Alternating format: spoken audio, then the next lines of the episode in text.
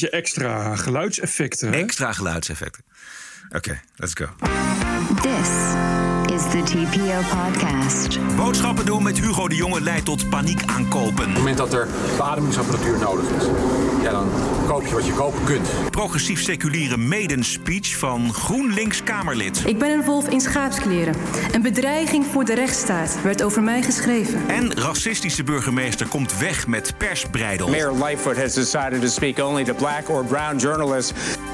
Aflevering 254. Ranting and Reason. Bert Brusson, Roderick Phalo. This is the award-winning TPO podcast. Goedemorgen, het is vrijdagochtend 21 mei. 7 graden onder nul. Koud dus in Nederland.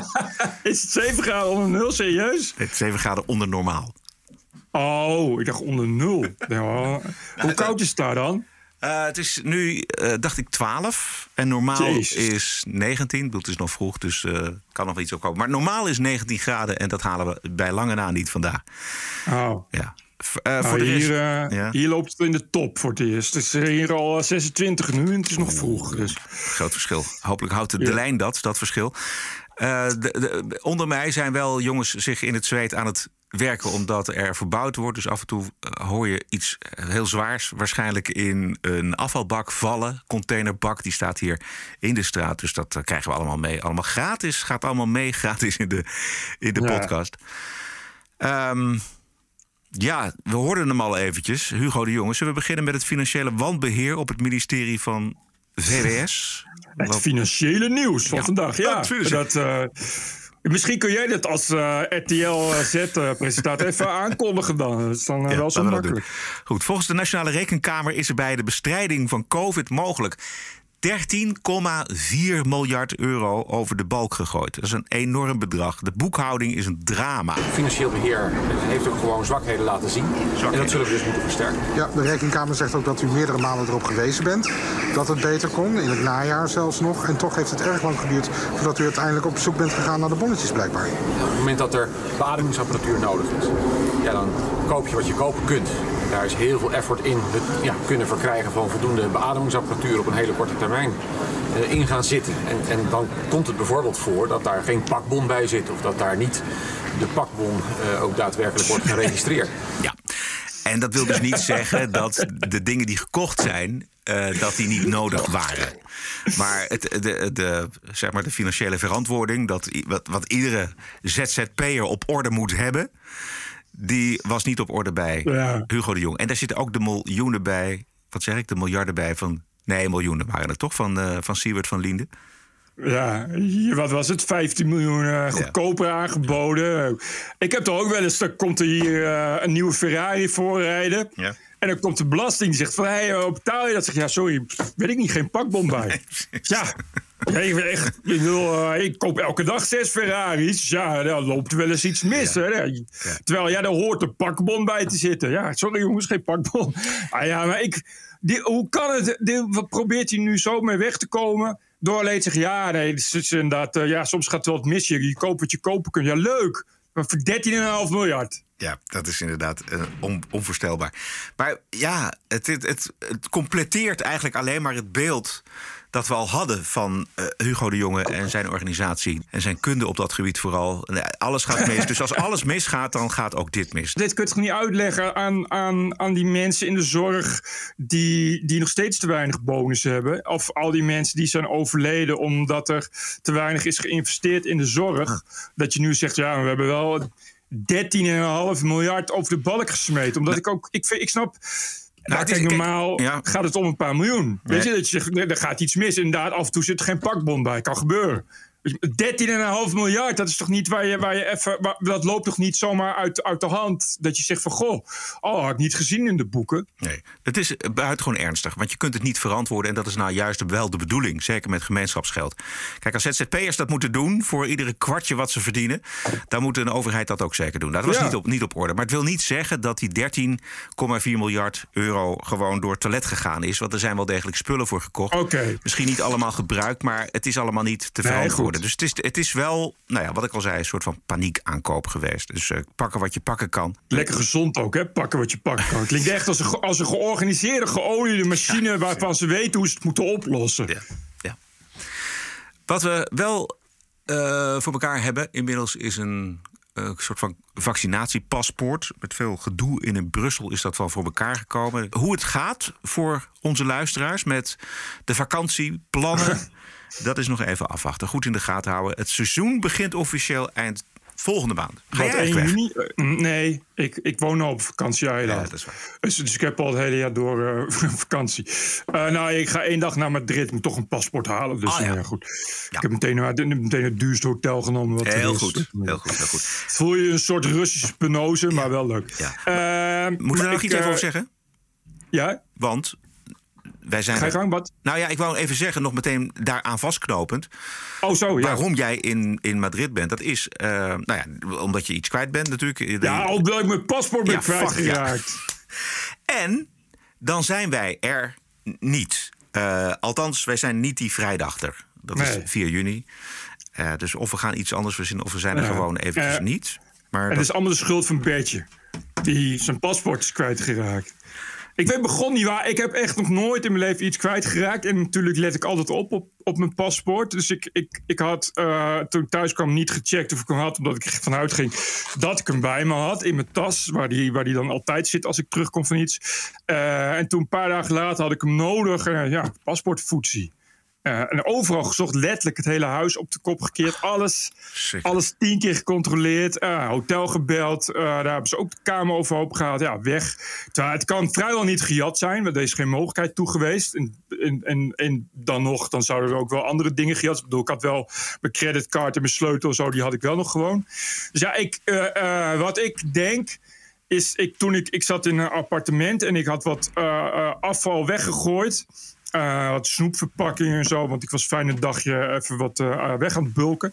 Uh, en, en daar heeft waarschijnlijk misschien dan ook mijn paspoort tussen gelezen. Dus dat heb ik zo in de vuilnisbak geveegd vanaf een bord. En dat is het enige wat ik kan bedenken. Of, of hij moet in de taxi liggen. Maar dat lijkt me sterk, omdat ik daar mijn tas heb dichtgehouden. Hoe dan ook, ik ben dus mijn paspoort kwijt. Voor het eerst in mijn leven ben ik iets serieus kwijt. Het heeft echt dagen gekost om er overheen te komen. Niet dat ik het kwijt was, maar dat ik iets ben kwijtgeraakt. Wat kennelijk ja, toch te maken heeft ook met leeftijd, vrees ik.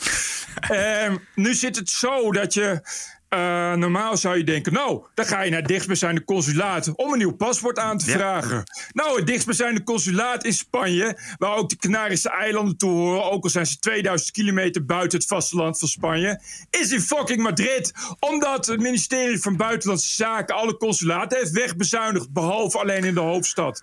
Dus als je op de Canarische eilanden woont en je bent je paspoort kwijt, ben je verplicht naar Madrid te gaan. Ja, ja ik, ik bedoel. Leuker kunnen we niet maken, nee, makkelijk al helemaal niet. Geldt overigens ook voor toeristen natuurlijk. Als die hun paspoort kwijtraken, dan ja, kan, kan, je ook dat niet, is echt. kan je ook niet het eerste beste Transavia-toestel terugnemen naar Amsterdam. En dan, moet je dus een noodpaspoort aanvragen. En dat geven ze niet zomaar uit. Dan moet je dus aantonen dat je uh, dan en dan een terugvlucht hebt. En dan moet je met het noodpaspoort. Ik kan nog, uh, omdat het een binnenlandse vlucht is, kan ik gewoon op mijn. Ja, ik heb zo'n NIE-nummer. Dat is hier een soort, soort SOFI-nummer. Daar kun je gewoon mee vliegen in binnenlandse vluchten. Ja, het is, ik heb uh, voor het hotel ook heel veel moeten regelen. Want ja, geen paspoort, mag je niet inchecken en zo. En het is echt een nachtmerrie. En ik kan het betalen, maar het, eh, je bent zo'n paar honderd euro verder, minimaal. Dus als je hier woont en je, je hebt geen cent te makken... of je bent oud en ziek... Ja, je hebt gewoon een probleem. Want ze hebben dan nog wel normaal in de zomer een mobiel team. Dat gaat dan een, een, maand per jaar zo naar de Canarische eilanden van het consulaat. Dan gaan ze oude en zieken helpen met het aanvragen van een paspoort. Maar dat komt nu ook niet, want corona. Dus, weet je, je zal hier maar zitten. als, je, als, je, als je geen geld hebt, een slechte been. En het kan het ministerie niks schelen. Want ik heb ook opgezocht. En het is al een paar jaar zo dat het is, dat het is wegbezuinigd. Want er zat een consulaat in Tenerife. En dat is gewoon gesloten. Uh, gewoon wegens ordinaire bezuinigingsmaatregelen. Nou, er is al, al uh, tienduizenden keren tegen geprotesteerd. Daar interesseert ze allemaal geen fuck. En dan is het ook nog eens corona. Nou, ik moet hier dus nu, uh, als ik terug ga vanuit Madrid, wat een, een zogenaamde risicozone is, naar de Canarische eilanden, wat een groene zone is, moet ik dus een PCR-test overleggen. Oh, dat Kost zo 100 euro. 100 euro om een wattenstaafje in je neus te douwen. Ja. Het enige land in Europa wat, ik ken waar het gratis is allemaal, dat is Duitsland. Daar, kun je gewoon bij de eerste de beste eh frietent kun je gewoon eh, je PCR-test eh, Ja. halen gratis. Ja. En Europa wil het gratis maken. Ja. En het enige land van Europa wat het niet gratis wil maken, dat raad je nooit. Nederland. ja, precies. Want dat vinden ze marktverstoring. Oftewel, de commerciële boeren die hebben hun belangen lopen lobbyen bij VVD Nederland. Goed, we gaan terug naar de politiek. De politiek. Want in de Tweede Kamer eh, was gisteren een maiden speech van de al veel besproken Kautar Bouchalik van GroenLinks. Oh, Het was een prima soep van GroenLinks platitudes. Slachtoffer zijn, sentimenteel, maar ook verbindend en verongelijkt. Het lijkt mij bijzonder daar te staan. Maar Het voelt ook vreemd om hier te staan. Ongemakkelijk. Want met dit hart van onze democratie klopt iets niet. Hoewel dit parlement het hele Nederlandse volk vertegenwoordigt, is het niet vanzelfsprekend dat ook ik hier sta vandaag. Ik ben een wolf in schaapskleren, kreeg ik te Dat horen. klopt. Een bedreiging voor de rechtsstaat werd over mij klopt. geschreven. terecht. Mij wordt gezegd, keer op keer, jij hoort hier niet. Dat overkomt niet alleen mij. Nee. Structureel en institutioneel is de ander het probleem. Ach, Ja. Heere Jezus. Ja, God, toch eh, helemaal niet. Doe je hoofddoekje af Oh. en geen haan die erover kraait. Nee, maar ik bedoel ook de ander. De ander. Hier wordt iedereen bij elkaar ander. geveegd en het is de ander is het probleem. In deze zaal, kamer en in de samenleving. Overal dus. Dit uitsluiten gebeurt al generaties lang. Ik Oh. ben ermee opgegroeid.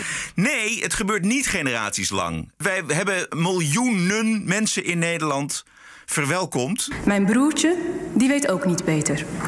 Het moet allemaal gezellig blijven. Normaal doen. Je mag blij zijn dat je hier bent geboren, want daar is het erger. Mondje dicht. Op je tenen lopen, maar niet in die sneakers. En niet met die broek aan. Haal je handen uit je zak, maar steek geen vuist in de lucht. Wees gewoon niet. We hebben geleerd dat alle vormen van onrecht met elkaar zijn verbonden. En dat we ons vooral niet tegen elkaar moeten laten uitspelen. Dus staan we op, samen. Tegen uitsluiting, tegen de klimaatcrisis, tegen ongelijkheid.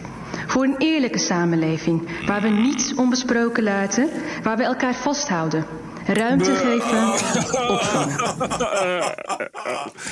Die laatste. ja. Dit is een 100% door GroenLinks eh, goedgekeurde speech. Maiden speech. Vreselijk zeg. Ik bedoel, één ding is wel, je, je zal er maar staan. En eh, nou ja, ze heeft natuurlijk best wat over de heen gekregen. Maar het, het, was, eh, Ja, het was één grote soep van platitudes, zoals ik al zei. Maar eh, eh, dan ga je lullen over uitsluiten. En dan is Ja. je vader eh, oprichter van een moslimbroederschap Nederland. Ja, ja, ik, ga, eh, ik zou zeggen, en ik- dat, wat zeur je? Weet je, je wordt, wordt op je neergekeken. Ja, dat zal wel komen omdat je vrouwen op een tweede plaats zet en homo's haat. Ja. En, en, en, en, en ongelovigen. En dat je, dat je alles ophakt aan de islam.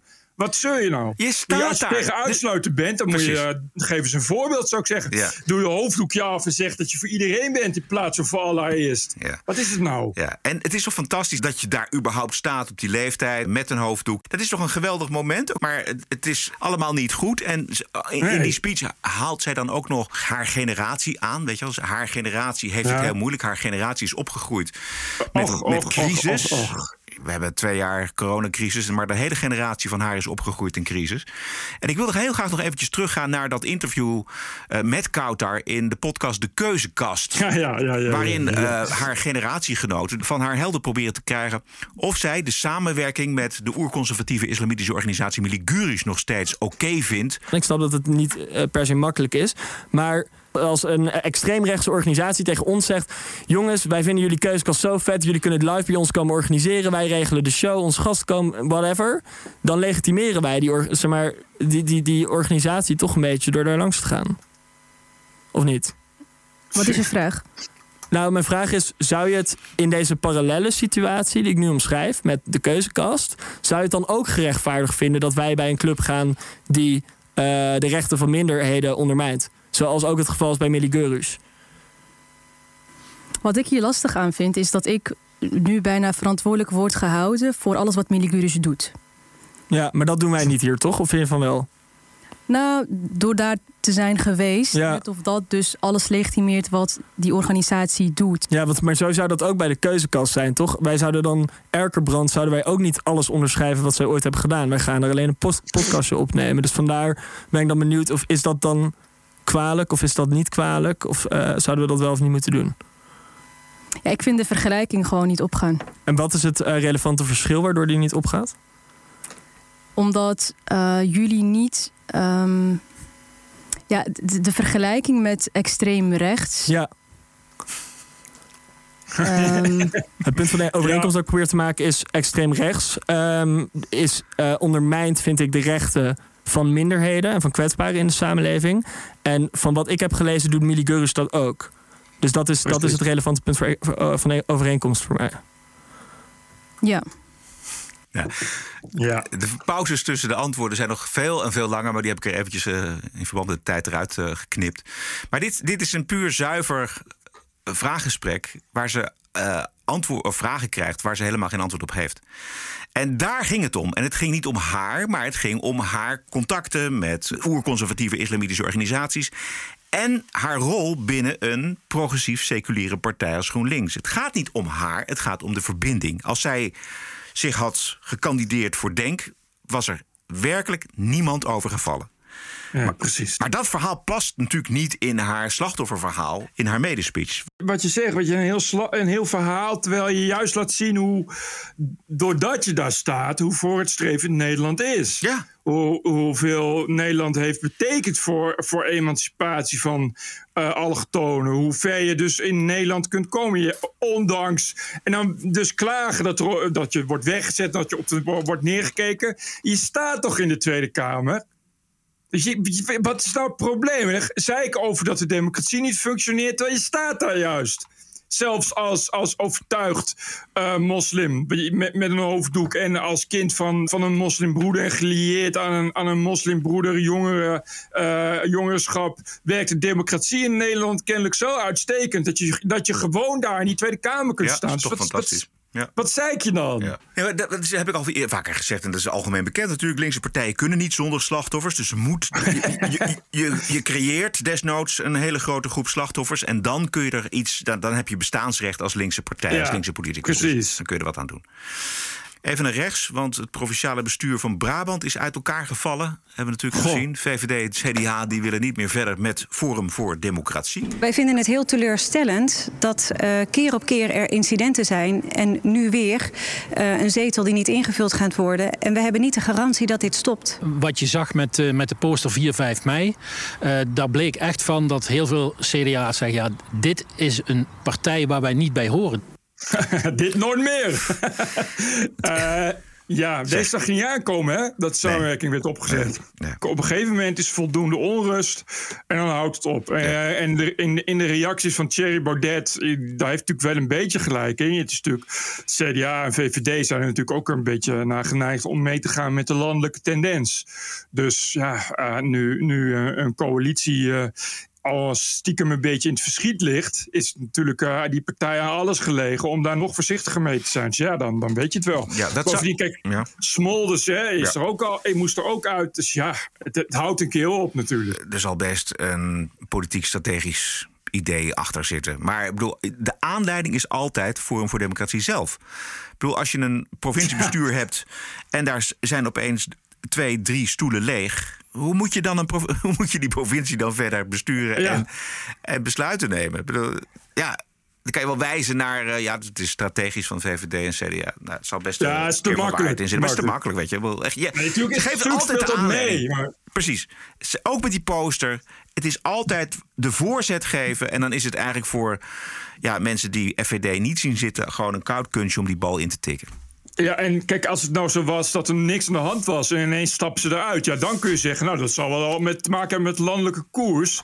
Maar dat is natuurlijk niet zo. Je- Dit, eigenlijk alleen Thierry Baudet is de enige in de wereld die zo makkelijk als zijn eigen bijdrage aan dat soort dingen voorbij durft te gaan. Door te zeggen van ja, dat heeft alleen te maken met landing. Ja, ja, dat die hebben gewoon geen zin meer in. Daar ben je natuurlijk keer op keer eh, voor gewaarschuwd. Het was al wankel natuurlijk. Uh, het was al verrassend dat er überhaupt een coalitie was. En dat die steeds bleef. Hè. Elke keer als er weer iemand brak met FVD... of FVD uh, was, stond in de schijnwerpers...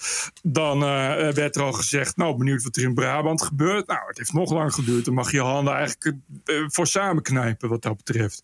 Het is toch best triest gezicht... om zo'n grote belofte in twee jaar in elkaar te zien Behoorlijk.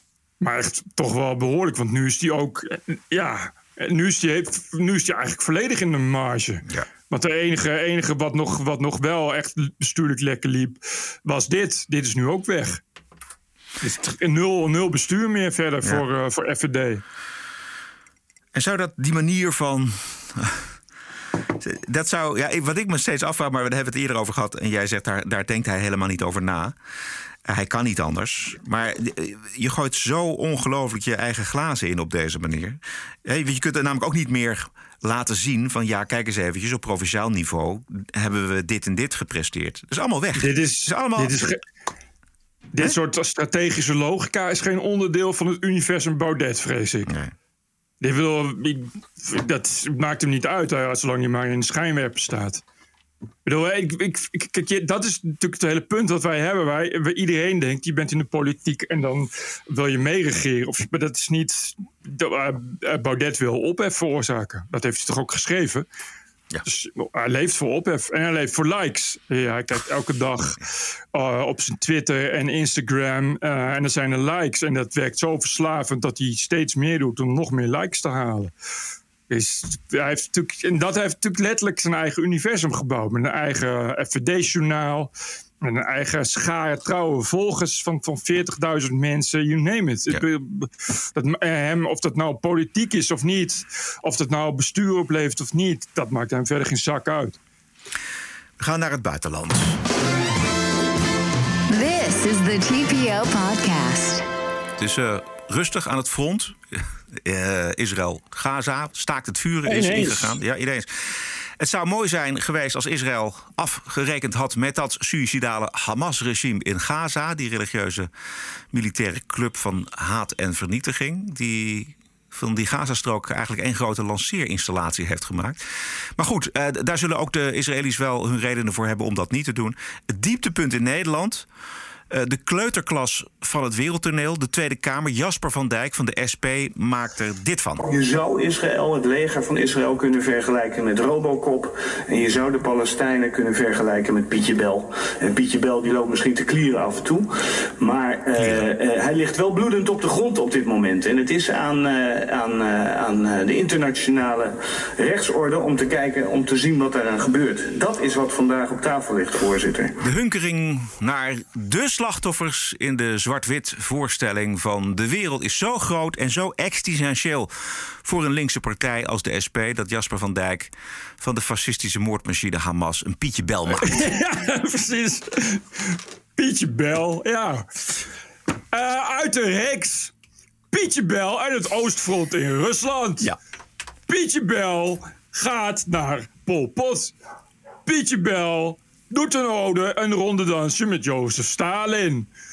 Pietje Bel en de Eerste Wereldoorlog aan het front. Maar ik, ik, ik kan het, noem het maar op. Het stuk echt. Ik, ik, ja, ja, je, kan alleen maar, je kan alleen maar socialist zijn om dit te bedenken. Om, om zo'n zo'n totaal radicaal waanzinnig wereldbeeld erop na te houden.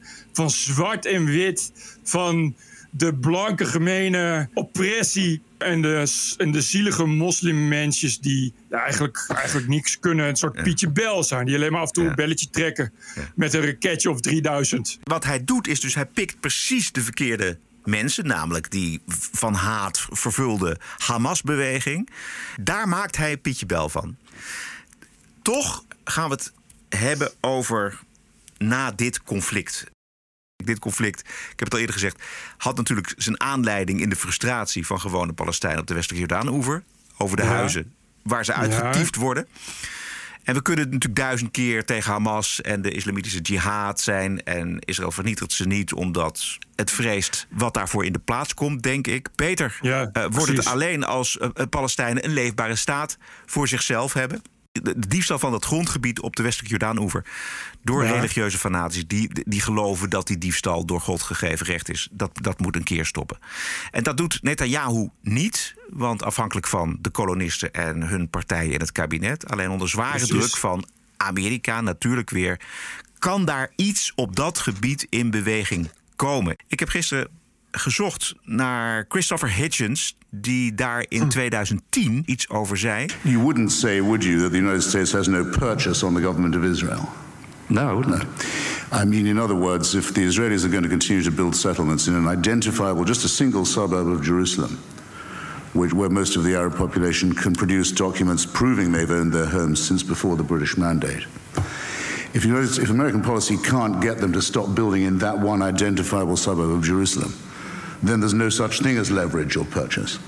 And Obama went to all the trouble to point out that this is a terrible thing. It's, he should have said more than he did, in my view, that it's theft as well as an obstacle to negotiations. And then walked away from that.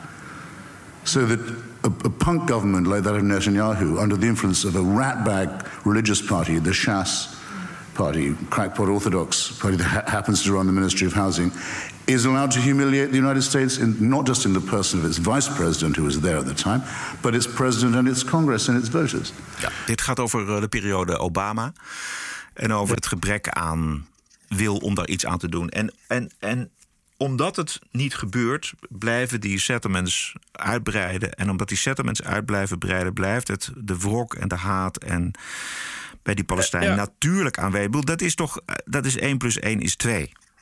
Precies, maar dat. Ik, ik, ik- kijk, en, en bovendien, kijk, de haat van Hamas blijft, wat je ook doet. Nee, dat is waar. Maar je, je voedt ook de haat door die settlements Zeker. te laten uitbreiden. David Zuurland legde me het eens een keer uit op Facebook. Die heeft er verstand van, zeg maar. Die is er eh, op gepromoveerd, of in elk geval. In, eh, die eh, heeft er meer verstand van dan ik. Maar deze zei ook van ja, in Israël zit je met Joden uit de hele wereld. Dus het betekent dat er bijvoorbeeld eh, ook een hele stevige fractie van Armeense Joden is. Eh, en, en, eh, en, en, en andere fracties die altijd weer nodig zijn om een stabiel kabinet te vormen.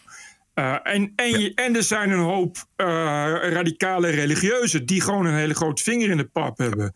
En die, die, omdat het religieuzen zijn, als allerlaatste zullen opgeven dat ze recht hebben op het land. Dus wat je ook maakt, je komt altijd weer terecht in dat de meerderheid vindt dat het land van hun is. Ja. Kijk, normaal zeg je in de politiek wat je zegt, we gaan onderhandelen. Ik geef jou dit en ik krijg dit voor terug. Oké, okay, prima, maar dit is religie. Welkom bij religie. Ja. Wat het, het maakt. Kijk, kijk, Hamas haat de Joden. Maar de extremistische Joden die vinden dat je daar gebied moet blijven uitbreiden, denken precies hetzelfde. Die zijn bereid om te sterven voor, dat, voor, voor hun beloofde ja, land. Dus ja. Dus ja. Wel, als je, op, als je bent bereid te sterven, hè, net als wat, wat de islam is. Als je bereid bent zelfmoordaanslagen te plegen, ja, dan houdt verder alles op. En dat, is, dat geldt voor de extremistische Joden al daar natuurlijk precies hetzelfde. Hoe dan ook gaan die toch weer koloniseren. Weet je, als je dan tegen ze zegt van ja, maar als jullie gaan koloniseren, dan gaat Hamas weer raketten afvuren. En dan zegt zij ja, prima, maakt niet uit. We gaan ja. toch koloniseren, want het moet van God. Dus ja, God zal me belonen als ik een raket op het dak krijg. Weet je, dus je kan daar uiteindelijk niks mee. Je, zou, je moet dan uiteindelijk God uit de politiek halen. Maar dat kan dus niet in Israël. Dus, dus ja, dat, en dat, overigens, Hitchens heeft daar inderdaad, inderdaad ook, ook al mooi over geschreven. Ook hè, over religie. God isn't great. Geeft hij prima aan hoe, hoe ook uh, uh, de Joodse religie en de christelijke religie tot dezelfde, exact dezelfde perversiteit leidt als, als de islam. De ondertitel is How Religion Poisons Everything. Precies. Dus alles wordt vergiftigd, verziekt door religie. Ik vind, wat dat, wat dat betreft, moet je als, je, als je daar een glimp van wil opvangen, hoe, over wat voor mensen je het hebt, bijvoorbeeld die kolonisten, moet je een orthodox kijken ja. op uh, Netflix. Ja. En dat is, dat is, daar krijg je precies exact hetzelfde beklemmende gevoel als bij islam. Het is verder ook precies hetzelfde. Hè? Ook de vrouw op de laatste plaats en ja. noem maar allemaal maar op. Ja. Alleen maar leven volgens regeltjes van, van God. De, ik bedoel, als, er is alleen God voor die mensen. Ja, daar houdt het gewoon op. En ondertussen zijn die Palestijnen ook speelbal van mensen die zich als hoeder van de Palestijnse rechten opwerpen, zoals een Turkse president Erdogan. Uh, denk. en denk, ja. Nog één keer, Hitchens. The thuggish government of uh, Mr. Erdogan, who just a few weeks ago said, if anyone mentions the Armenian question in public ever again, I will expel all the remaining Armenians from Turkey. In other words, don't bring up the last genocide or I'll hurt them again. This man is an out of control thug. And he's posing as a defender of the rights, human rights of the Palestinians. It makes me want to throw up things I've forgotten ever eating. Dat missen we hem, hè? Ja. Ja, dit is ook vlak voor zijn dood, of niet? Ja. Want het is wel 2010 recent is dit. Ja, jammer, jammer, jammer. Dus toen, toen was het al erg met Erdogan. Ja. Ja, Kun exact. nagaan. Ja. Ja, elf jaar later. Eh, maar dat is dus al, alweer zo lang bezig. Dus zo lang heeft het al kunnen gisten. Precies. en en eh, kunnen indoctrineren en zo, weet je. Exact. Pas vijf jaar later, tijdens de vluchtelingencrisis, kregen wij het door. Juist, wat een is. Ja. Alright. Zullen we naar Frankrijk? Ja. Yeah. Want Frankrijk, daar wordt gedemonstreerd. vooral voor recht en orde. Law and order. Nu ook een tweede brief van hooggeplaatste militairen. Serieus? Ja. Heb ik even gemist. Ja, en er zat een mooie reportage in Nieuwsuur van Saskia Dekkers natuurlijk. Korte samenvatting. Twee brandbrieven hebben in Parijs voor flinke ophef gezorgd. Oud-generaals en militairen waarschuwen voor de ondergang van Frankrijk. Voor hordes uit de banlieue, voor islamisering. Het land zou aan de rand van een burgeroorlog staan. Marine Le Pen steunt het initiatief. De regering en de oppositie noemen het oproepenbeeld zwaar overdreven. Maar volgens peilingen steunt een meerderheid van de Fransen de oproep. Dit filmden bewoners in Montpellier. En dit is bijvoorbeeld Valence, deze week. Volgend jaar zijn er presidentsverkiezingen en het veiligheidsthema lijkt steeds belangrijker. Macrons ministers en ook veel andere politici zien in de brandbrieven van de militairen een listigheid van Le Pen. Maar de controversiële oproep en de steun van veel Fransen brengt wel iets diepers aan de oppervlakte. Een verrechtsing van Frankrijk. Ja, er wordt geroepen: dit is een gevaarlijk antidemocratisch opzetje van die oud-militairen en Marine Le Pen samen. Maar uit opinieonderzoek blijkt dus dat mensen eh, geen islamisering, geen Ja. no-go areas Ja. willen, maar gewoon orde en gezag. En dat wordt nodig Ja. gemist in Frankrijk. Ja, ja dat, dat, dat vertelde Klaas Jager eh, me ook al. En eh Sylvain Evimenko schreef dat ook al. Dat, dat er inderdaad een meerderheid inmiddels gewoon ook achter die brief staat. Of in elk geval zich daarin herkennen. Eh, en als je die geluiden hoort... Nou, het lijkt wel Amsterdam-Noord. Ja, het lijkt wel Amsterdam-Noord, maar het lijkt ook op Duitsland, waar ook de- macht op straat in bepaalde wijken gewoon niet meer aan de politie en het openbaar gezag is, maar gewoon aan bendes die daar de dienst uitmaken. We hebben vaker genoemd het boek van eh, de politieagenten uit eh, Duitsland. Ik ben even de naam kwijt. Ja, Vrouw in het Blauw. Vrouw in het Blauw heet het boek. En die, zij zij, heet, maar- zij is zelf afkomstig volgens mij uit Libanon. En zij vertelt Ja. eh, wat daar allemaal eh, gaande is. En hoe, hoe gebrekkig het gezag van de politie is inmiddels. En het houdt een keer op natuurlijk, Bert. Eh, In heel Europa geldt dat. Nee, maar je, dat, je ziet het dus aan die, aan die overval gisteren in Amsterdam-Noord. Ja. Dat waren, waren vooral Fransen. Eh, maar ik, bedoel, dus niet- in Frankrijk hebben ze al zoveel dat ze nu uitwerken naar Nederland. Maar niemand had zeg maar tien jaar geleden gedacht, ah, tien jaar misschien niet, maar twintig jaar geleden gedacht dat dat in Nederland zou gaan gebeuren. Weet je, maar het, het breidt zich uit. Het wordt steeds erger en het wordt dus steeds normaler. Eh, eh, een crimineel met een Kalashnikov kijkt niemand nog van op. Ik bedoel, toen wij jong waren, Roderick, was het eh, een junk met een schroevendraaier. die, eh, die een autoradio je en als je hem oppakte, die, eh, misschien dat die in je been stak. Maar tegenwoordig zijn het dus. Ik weet, die, die overval in Amsterdam Noord, dat waren geloof ik meer dan tien man. Ja. In, in een Audi en een Porsche Cayenne. Die, weet je, die, die, maar die gewoon dus met Kalashnikovs en weet ik veel wat. Ja, de politie heeft 50 man. 50 politiemensen zijn beschoten. Maar dat betekent dat er dus 50 politiemensen en een helikopter en honden en alles moeten worden ingezet. Ja, weet je, daar is je apparaat niet op berekend. En, en dat, dat, dat breidt zich dus uit in elke Europese stad. Ja, En Europa, de Brussel hoor je er niet over. Voor Brussel is Europa nog steeds een mooi toonbeeld van eh, ja, eh, tolerantie voor homo's en transgenders en zo. Terwijl Nou er is natuurlijk heel lang weggekeken van dit vervelende en gewelddadige aspect van de multiculturele samenleving. Ik bedoel, in Nederland hebben we natuurlijk de mokromafia... waar al een derde generatie klaar voor staat. Dat zijn de, eigenlijk Ja. dezelfde verhalen. Ja, het gaat hier nu ook de hele tijd over jongetjes van 11, Ja? 12 met vuurwapens en, eh, en steekwapens die worden opgepakt. In Amsterdam Zuidoost hebben we het vorige week over gehad. Eh, en in de gemeenteraad hebben we het over eh, stigmatiseren door preventief Van gebieden. fouilleren. Ja. Ja. Ik, ik vind het ook jammer dat je net Amsterdam Zuidoost zei, want daardoor stigmatiseer je nu gewoon een heel gebied. En ik, ik, Femke Roosma van GroenLinks gaat hier dus van huilen. Elke keer als jij zegt Zuidoost, Amsterdam Zuidoost, moet Femke Roosma weer huilen. En dat moet ze toch al heel vaak. Uh, en dat is geen prettig gezicht voor niemand, niet in de raad als Femke Roosma gaat huilen. En uh, dus, dus het is beter dat je dan Amsterdam zegt. Anders dan wijs je maar weer een gebied aan alsof daar 90% van de voorvallen plaatsvindt. Oh, wacht, dat is ook zo.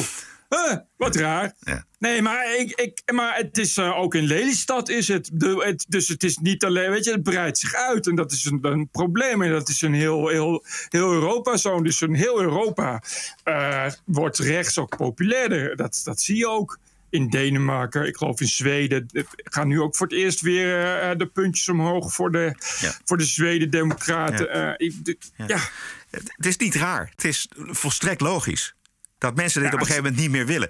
En het geldt ook voor de mensen in die wijken, de, de immigranten. Die zijn het ook zat. Meer dan zat. Alsof je je kind uh, graag wil overleveren ja. aan, aan, aan uh, bendes met machetes. Ja. Weet je, natuurlijk wil je voor je kind het allerbeste. Uh, natuurlijk wil je dat je, als je daar woont, dat je kind gewoon naar buiten kan gaan. Om, kijk, kinderen van elf. In mijn, uh, ik woonde gewoon in Bennekom. Dus toen ik elf was, deed ik gewoon een stoep krijten en uh, hinkelen en zo. Ik heb niet en, het en idee dat niet kinderen van werd. Nee, ik had niet het idee dat kinderen van elf in de bel maar aan stoep krijten en hinkelen doen. Dus uh, weet je, maar de, ik bedoel, je wil het best voor je kind, dus ben je er ook zat. Maar ja, maar kijk, dan krijg je uh, um, gisteren, ik schreef er nog een stukje over op Geen Stijl. Ken je die site, Geen Stijl? Ja, zeker. Hey, leuke site. Daar zou ik zeker uh, eens naar kijken. Hey, maar uh, Scheveningen. Ook, ook alleen maar drillrappers die elkaar overhoop steken. Dus iedereen is het zat. Want ja, Scheveningen is een toeristenstad bijvoorbeeld. Weet je, de mensen zijn, zijn er helemaal, helemaal klaar mee met die ellende. Maar preventief fouilleren, nou liever niet. We gaan naar de yeah. week. I was offended and I have right. TPO Podcast. You're an adult. Grow up. Deal with it. I don't care. I don't care. Drukke Wokweek, berichten uit de open inrichting, mensen, bedrijven, instanties die zich een slag in de ronde deugen. En die buigen voor de terreur van de identiteitsideologie. Meer dan 100 actie- en belangengroepen roepen informateur Mariette Hamer in een brief op om institutioneel racisme en discriminatie een centrale plaats te geven in het regeerakkoord. Ze komen met een actieplan van 11 punten. Uh, dat zijn altijd de bekende comité's. Comité 21 maart, Zwart Manifest, Collectief tegen Islamofobie. Dat soort organisaties. En 110 culturele en maatschappelijke organisaties. Wat moet er gebeuren? Ja. Zo moet de regering concrete en meetbare doelen stellen voor culturele diversiteit binnen semi-publieke en private organisaties. Dus quota dus. Dat zijn dus, dus gewoon huidskleuren tellen. Nederland omvormen tot een uh, diep racistische natie. Ingedeeld in, in rassen en clans. En daar hebben we mooie voorbeelden van in, in de wereld. Bijvoorbeeld Libanon is een goed voorbeeld. Dat, dat, dat, is, dat is helemaal langs etnische lijnen, religieuze lijnen. En je, we weten natuurlijk waar dat toe leidt. Ja, en ook moet de regering met een officiële erkenning komen van wandaden tegen bevolkingsgroepen gepleegd uit naam of medeweten van de Nederlandse overheid.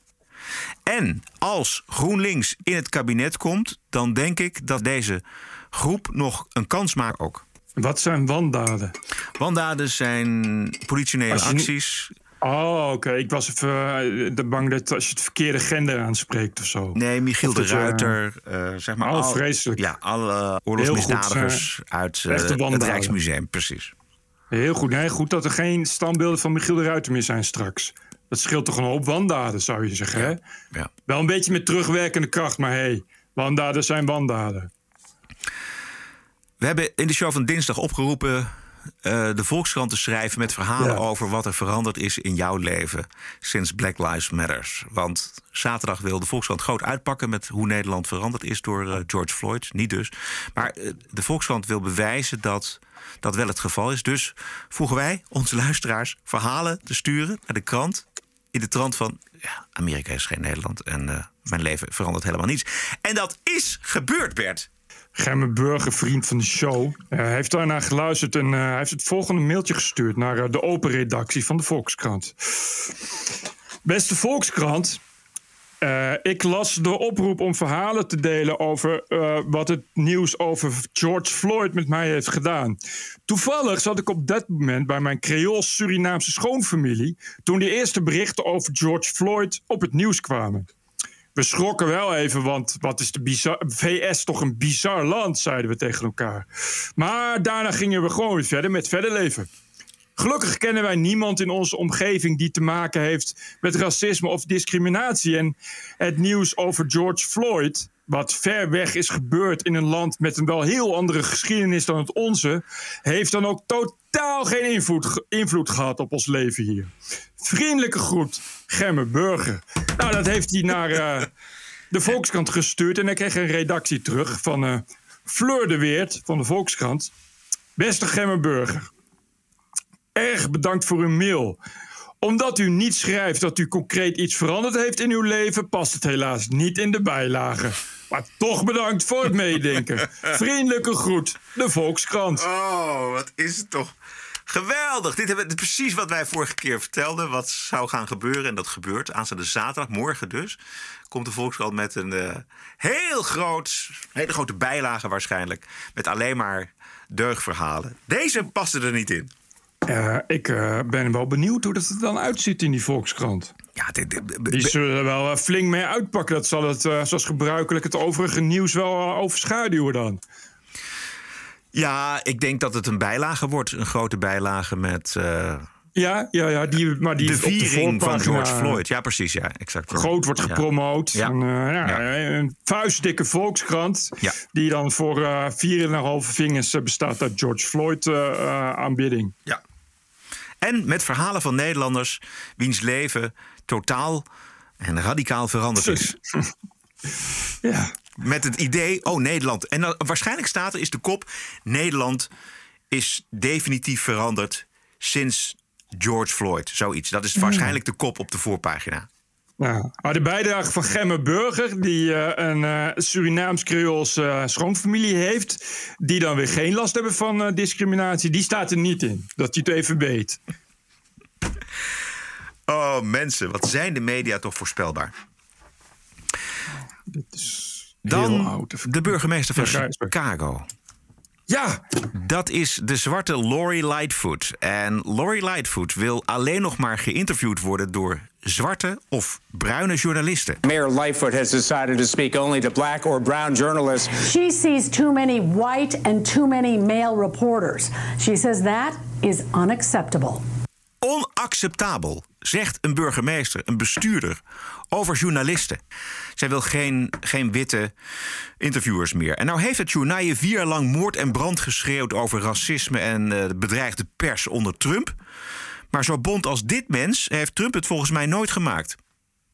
ja want eh, hoe eh, eh, mag dit zomaar überhaupt? Dat is Ik- de vraag. Ik bedoel, er wordt- is een politiek bestuurder, dat gaat aan de grondwet raken en dat soort dingen. Exact, lopen nu tegen deze, dit, dit besluit van het bestuur van Chicago. En daar kan uitkomen dat dat inderdaad onrechtmatig is. Maar goed, je weet het maar nooit met. Want affirmative action zit ook heel diep geworteld Ja. in, in dat Amerikaanse rechtssysteem. Volgens een zwarte verslaggever, ik zeg het er maar even bij, probeert deze Lightfoot de aandacht af te leiden van echte problemen. Former Ja, ABC tuurlijk. 7 political reporter Charles Thomas, who covered City Hall for nearly 10 years, sees the mayor's move as an attempt to distract from other, more important issues. Is the crisis diversity or is the crisis crime? I would suggest to you that a bigger crisis is crime. A bigger crisis is city finances. A bigger crisis is public education. In a city where the schools, the public schools, have been closed for a year and a semester. Ja, want het is natuurlijk zo uh, dat op het moment dat je zegt: Ik wil geen blanke journalisten meer, dat dat ook betekent dat je een heel groot deel uh, geen kritiek meer hebt. Want ja, er zijn natuurlijk voldoende nieuwsmedia die dan geen journalist sturen, omdat ze gewoon niet. Uh, je, moet, je moet dan maar net dan een zwarte journalist in dienst hebben die op dat moment kan, zou ik maar zeggen. Nou ja, die zijn er Dus, natuurlijk eh, zeker, maar die heb ik ook al gezien. Maar het is het, dit is het, eh, het gruwelijke pad van dat je eh, slecht bestuurt en dat je het schuift op. eh, ik, word, dat komt, ik kom te verkeerd in de publiciteit en dat komt door journalisten met een blanke Ja. huidskleur. Het is natuurlijk een beetje raar om te denken dat er geen zwarte journalisten zijn die geen kritische vragen stellen. Ik vermoed zomaar dat de meeste zwarte journalisten gewoon in de eerste plaats journalist zijn. Exact. Maar dat je dat als burgemeester doet, is wel een beetje eng. Het is wel een beetje, dit begint wel een beetje Noord-Koreaans te rieken op deze manier. Het is heel eng, want je zegt dus... de kritiek op mij heeft niks met mijn beleid te maken... maar heeft met het, de huidskleur te maken van die reporters. Dus je schuift, je schuift letterlijk de kritiek op jou af... en de controle van de journalistiek schuif je af... omdat het je niet uitkomt en je zegt... kijk eens even, dat zijn alleen maar blanke reporters... die mij afmaken of die kritiek hebben. En het ligt aan hun kleur. Het ligt niet aan mij. Het ligt aan hun huidskleur. Ja, maar dat is racistisch. En is heel erg racistisch. En daar horen we dus niks over. We lezen een klein berichtje in de Volkskrant. Zij willen meer diversiteit onder de journalisten. En dat is toch niet- en geen, geen enkele verontwaardiging, niks. Het is, gewoon, eh, het is gewoon ten eerste keihard racisme. En ten tweede is het natuurlijk. Het is gewoon, het is gewoon manipulatie. Ja. Van, eh, van eh, ja, zij wil inderdaad, probeert natuurlijk gewoon inderdaad de vragen tegen te houden. En natuurlijk dus te selecteren. Hoe meer je selecteert, hoe, hoe makkelijker het wordt. Hoe meer je journalisten kunt selecteren, hoe eenvoudiger het voor je wordt natuurlijk. Ja. In Amsterdam gaan ze ook eh, selecteren op huidskleur. Nou, Zo moet dat. 20% van de medewerkers jonger zijn dan 35 jaar. Dus dat is leeftijd. En vanaf schaal 12 moet 30% van de medewerkers van niet-westerse migratieachtergrond zijn. Streefcijfers zijn jaarlijks, et cetera, et cetera. Het is allemaal het idee van de geweldige eh, wethouder op dit gebied. Want dat is echt waar het echt om draait. Van GroenLinks. GroenLinks natuurlijk. Ehm, de gemeente Ik zal- gaat inclusief werven en selecteren. Oftewel exclusief blanke hetero mannen. Ja.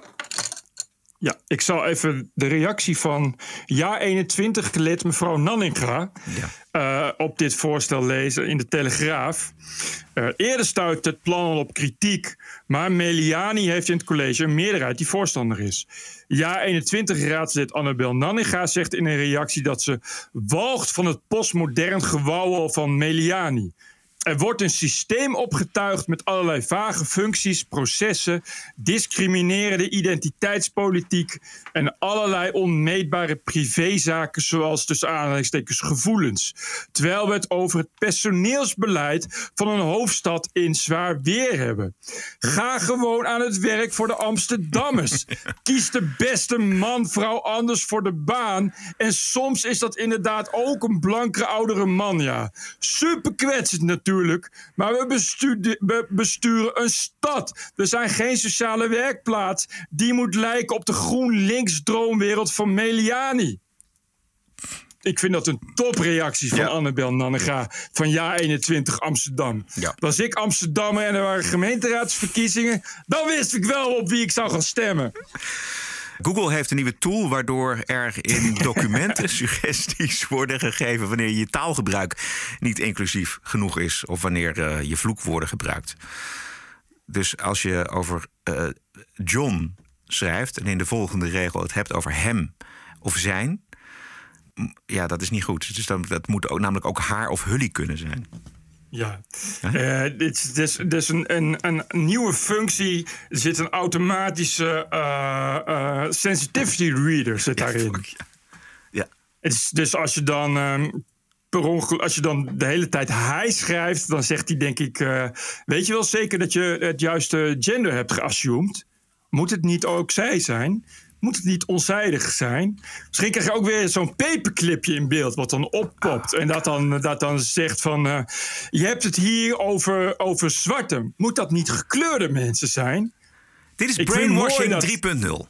Ja, ja, ja, het is best wel eng eigenlijk als je het zo bekijkt. Omdat ze op de universiteit durfden te zeggen dat vrouwen vagina's hebben en mannen fysiek sterker zijn dan vrouwen, is er nu een onderzoek gestart naar de 29-jarige Schotse studente Lisa of Liza Keoch. En nu loopt er dus een onderzoek naar dit meisje. De uitspraken vielen niet goed bij haar jongere klasgenoten die haar anoniem rapporteerden aan de hogere scholen. Jezus. Ja, aan het bestuur van de Ja. school. Waar was dit? Schotland. Oké. Jezus Christus, ook anoniem rapporteren, hè? Ja. Dat er dan ook echt een onderzoek volgt. En weet je, Bert, volgens mij zijn we al heel erg te laat. Ik, denk- ik denk dat er een hele generatie opgroeit die dit heel normaal vindt. Dat je daar niet op die manier over praat. We zien het op de redacties, we zien het op de, aan de websites van RTL, van de NOS. We zien het, eh, Ja, eh, precies. echt waar. Dus er, er is een generatie, een woke generatie journalisten, maar ook studenten en andere mensen die, die al helemaal gebrainwashed zijn, die dit echt belangrijk vinden. Ik had een projectje samen met een journaliste, echt een hele goeie. En toen vertelde ze, ja, toen heb ik wel eventjes de playlist wat diverser gemaakt, want het waren eigenlijk alleen maar vooral blanke mannen die op die lijst stonden. Voor haar is het de normaalste zaak van de wereld om als ze een playlistje voor de neus heeft, om te kijken hoeveel blanke, hoeveel zwarte, hoeveel vrouwen, hoeveel mannen. Die, dat zit er gewoon al helemaal in. Dat is ook de verklaring eh, voor bijvoorbeeld die verhalen over eh, George Floyd en Black Lives Matter, die we op de website van RTL hebben gezien, waar dan Uh-huh. eh, onderaan wordt afgesloten met hoe kan ik bijdragen aan een minder racistisch leven. En dan uiteindelijk staat er ook nog zoiets van doneren, geld doneren aan een goede organisatie, geld doneren aan Black Lives Matter bijvoorbeeld. Dat staat dan gewoon onder een journalistiek Ja, stuk. En dat is voor die generatie journalisten op die website is dat de normaalste zaak van de wereld. Want je denkt mee. Doodeng. Ja, doodeng. Doodeng. Ik, ik, die, die, ra- da- dat, dat is dus het eng, hè? dat het eh, er zo in zit dat het de normaalste zaak van de wereld is. Dat er eh, als onderdeel van de journalistiek er echt, echt hardcore in zit de wereld een stukje beter maken. En de wereld een stukje beter maken is dan inclusief denken. Ja. Wat echt. Ik snap dat gewoon. Ja. Ja, ik heb het dat net is gewoon, is gewoon vre- Ja, nee, ik, ik bedoel, dat snap ik. Ik begrijp gewoon niet hoe je, hoe je dat kan denken. Hoe, je, hoe, je, dat, hoe je dat in je, Ja. in je, in je Ja, categoriale deugen. kader hebt Ja, deugen. eh, Goed zijn voor de wereld. Vreselijk. Ja, vreselijk. En de enige hoop is, denk ik, eh, eh, generatiegenoten van deze mensen. Die nuchter blijven, die zeggen: ja, maar dit deugt niet, dit kan niet, dit is niet goed. Hier moeten we iets tegen doen. En we moeten de moed hebben om daar tegen in te gaan. Nou ja, dat is, dat is eh, inderdaad. Nou, dat, dat, dat is het enige waar je op kan hopen. Dat mensen daar inderdaad nee zeggen en opstaan. Ja. En daar tegenin gaan. Maar, maar verder. Eh, mag ik, eh, nu we toch dit punt, dan kan ik even mooi een bruggetje. Want eh, ik kreeg een mailtje van een student van de Hogeschool Arnhem-Nijmegen. Die eh, schrijft: Met toch een beetje verdriet zie ik dat mijn hogeschool nu ook meedoet aan het Israël-debat. Dit is van de communitypagina van de Hogeschool Arnhem-Nijmegen. Eh, daar werd een interview met een student afkomstig uit Gaza gepost. Eh, nou, dat gaat over een studente met een hoofddoekje, inclusief afbeelding. Die heet Wala Abu Abdul en studeert aan de Islamic University of Gaza. Ik zal even de laatste vraag. What am I experiencing in Gaza? Since last week, we've been living in horror, witnessing a genocide after another. The bombing never stops and murdering innocent civilians never ends. Geen kritiek, want het is echt alleen maar standaard vragen en zij mag alles zo vertellen. Ja, dat is dus een, een, dit is dus eh, eh, journalistiek voor studenten op de communitypagina van de Hogeschool Arnhem-Nijmegen. Niks over 3000 raketten afvuren Nee, niks! ja, richting Israël. Nee. Genocide. Ja. Ook, ook, Ja, ook, ook genocide zonder dat dat wordt uitgelegd. Nee, precies. Dat- Ja. Wel, Welke, hoeveel, hoeveel, hoeveel honderdduizend mensen zijn er eh, in één dag afgeslacht? Precies of zo, weet je wel. Gewoon nee, genocide. Is gewoon genocide. Ja. En dan gaat, komt kritiekloos in zo'n blaadje. Yep, yep, yep, yep, yep. Even kijken. Ik zit even te kijken of er nog meer is. Maar het meeste is echt eh, leuk om, eh, om eh, online te zetten. Maar echt verder. Ik heb er nog wel eentje. Mm, echt, precies, ga je gaan. Ehm, de Amerikaanse nieuwsoutlet WNBC. Hoe, hoe zei Howard Stern dat nou ook alweer zo mooi? WNBC. WNBC. WNBC. You got to say WNBC before you say anything.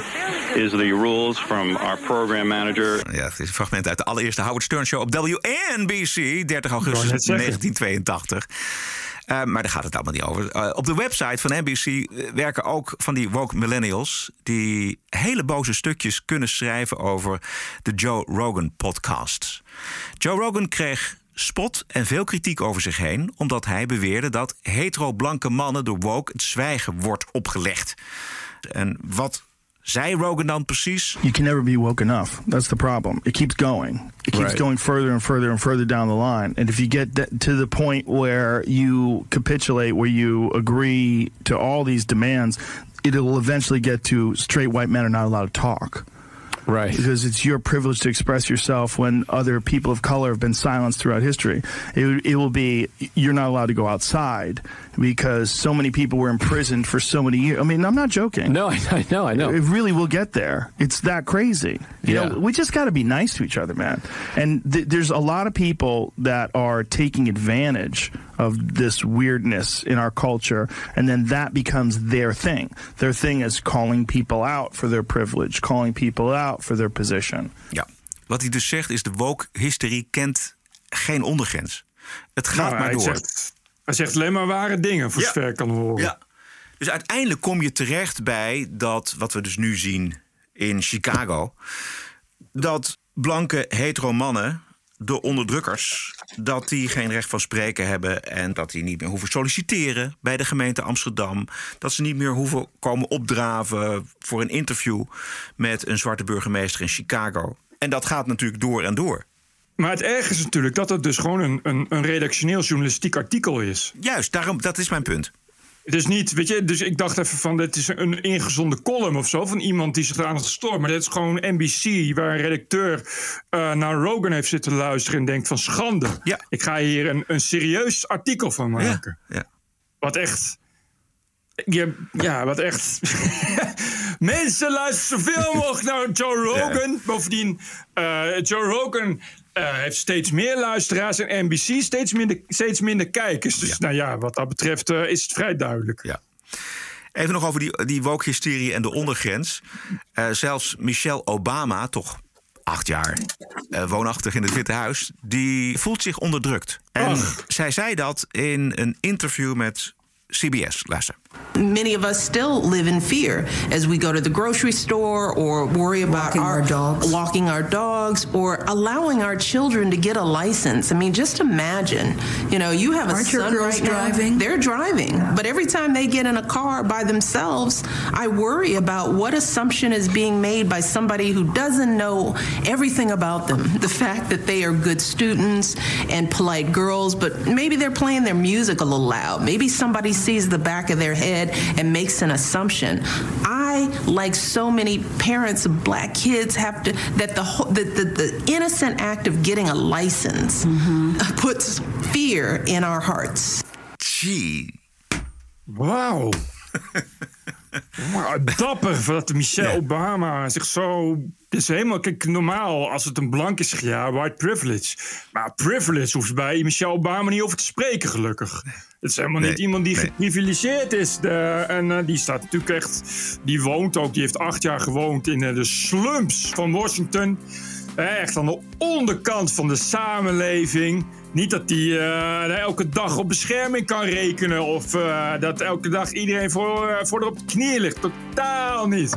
Goed dat, dat Michelle Obama hier zo op zit. Dat vind ik heel, echt heel dapper. Vind ik echt heel dapper. Ja, dat, dat slachtofferschap is toch verslavend.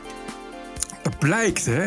Dat blijkt. Het is echt, wanneer worden wij nou een slachtoffer, Roderick? Ja, ja. Dit, je zegt, dit wil me, niet, wil me niet lukken. Goed, wat hebben we nog niet besproken wat absoluut besproken moet worden, Bert? Als jij niks hebt, dan heb ik ook niks meer. Goed zo, nou, dan, dan, dan breien we er een eind aan en dan gaan we gewoon lekker aanstaande maandag verder voor de show van dat. dinsdag. De TPO-podcast is te vinden op onder meer Spotify, Apple Podcast, iTunes en natuurlijk tpo.nl. Heel veel dank voor de steun. De mensen die hebben gedoneerd deze week. We lezen altijd op dinsdag de lijst met mensen voor. We hebben dat echt eh, nodig. Waarderen en doneren kan op tpo.nl slash podcast. We zijn terug dinsdag 25 mei. Stay cool en... Tot dinsdag! TPO Podcast. Bert Bruson, Roderick Balo, ranting and reason.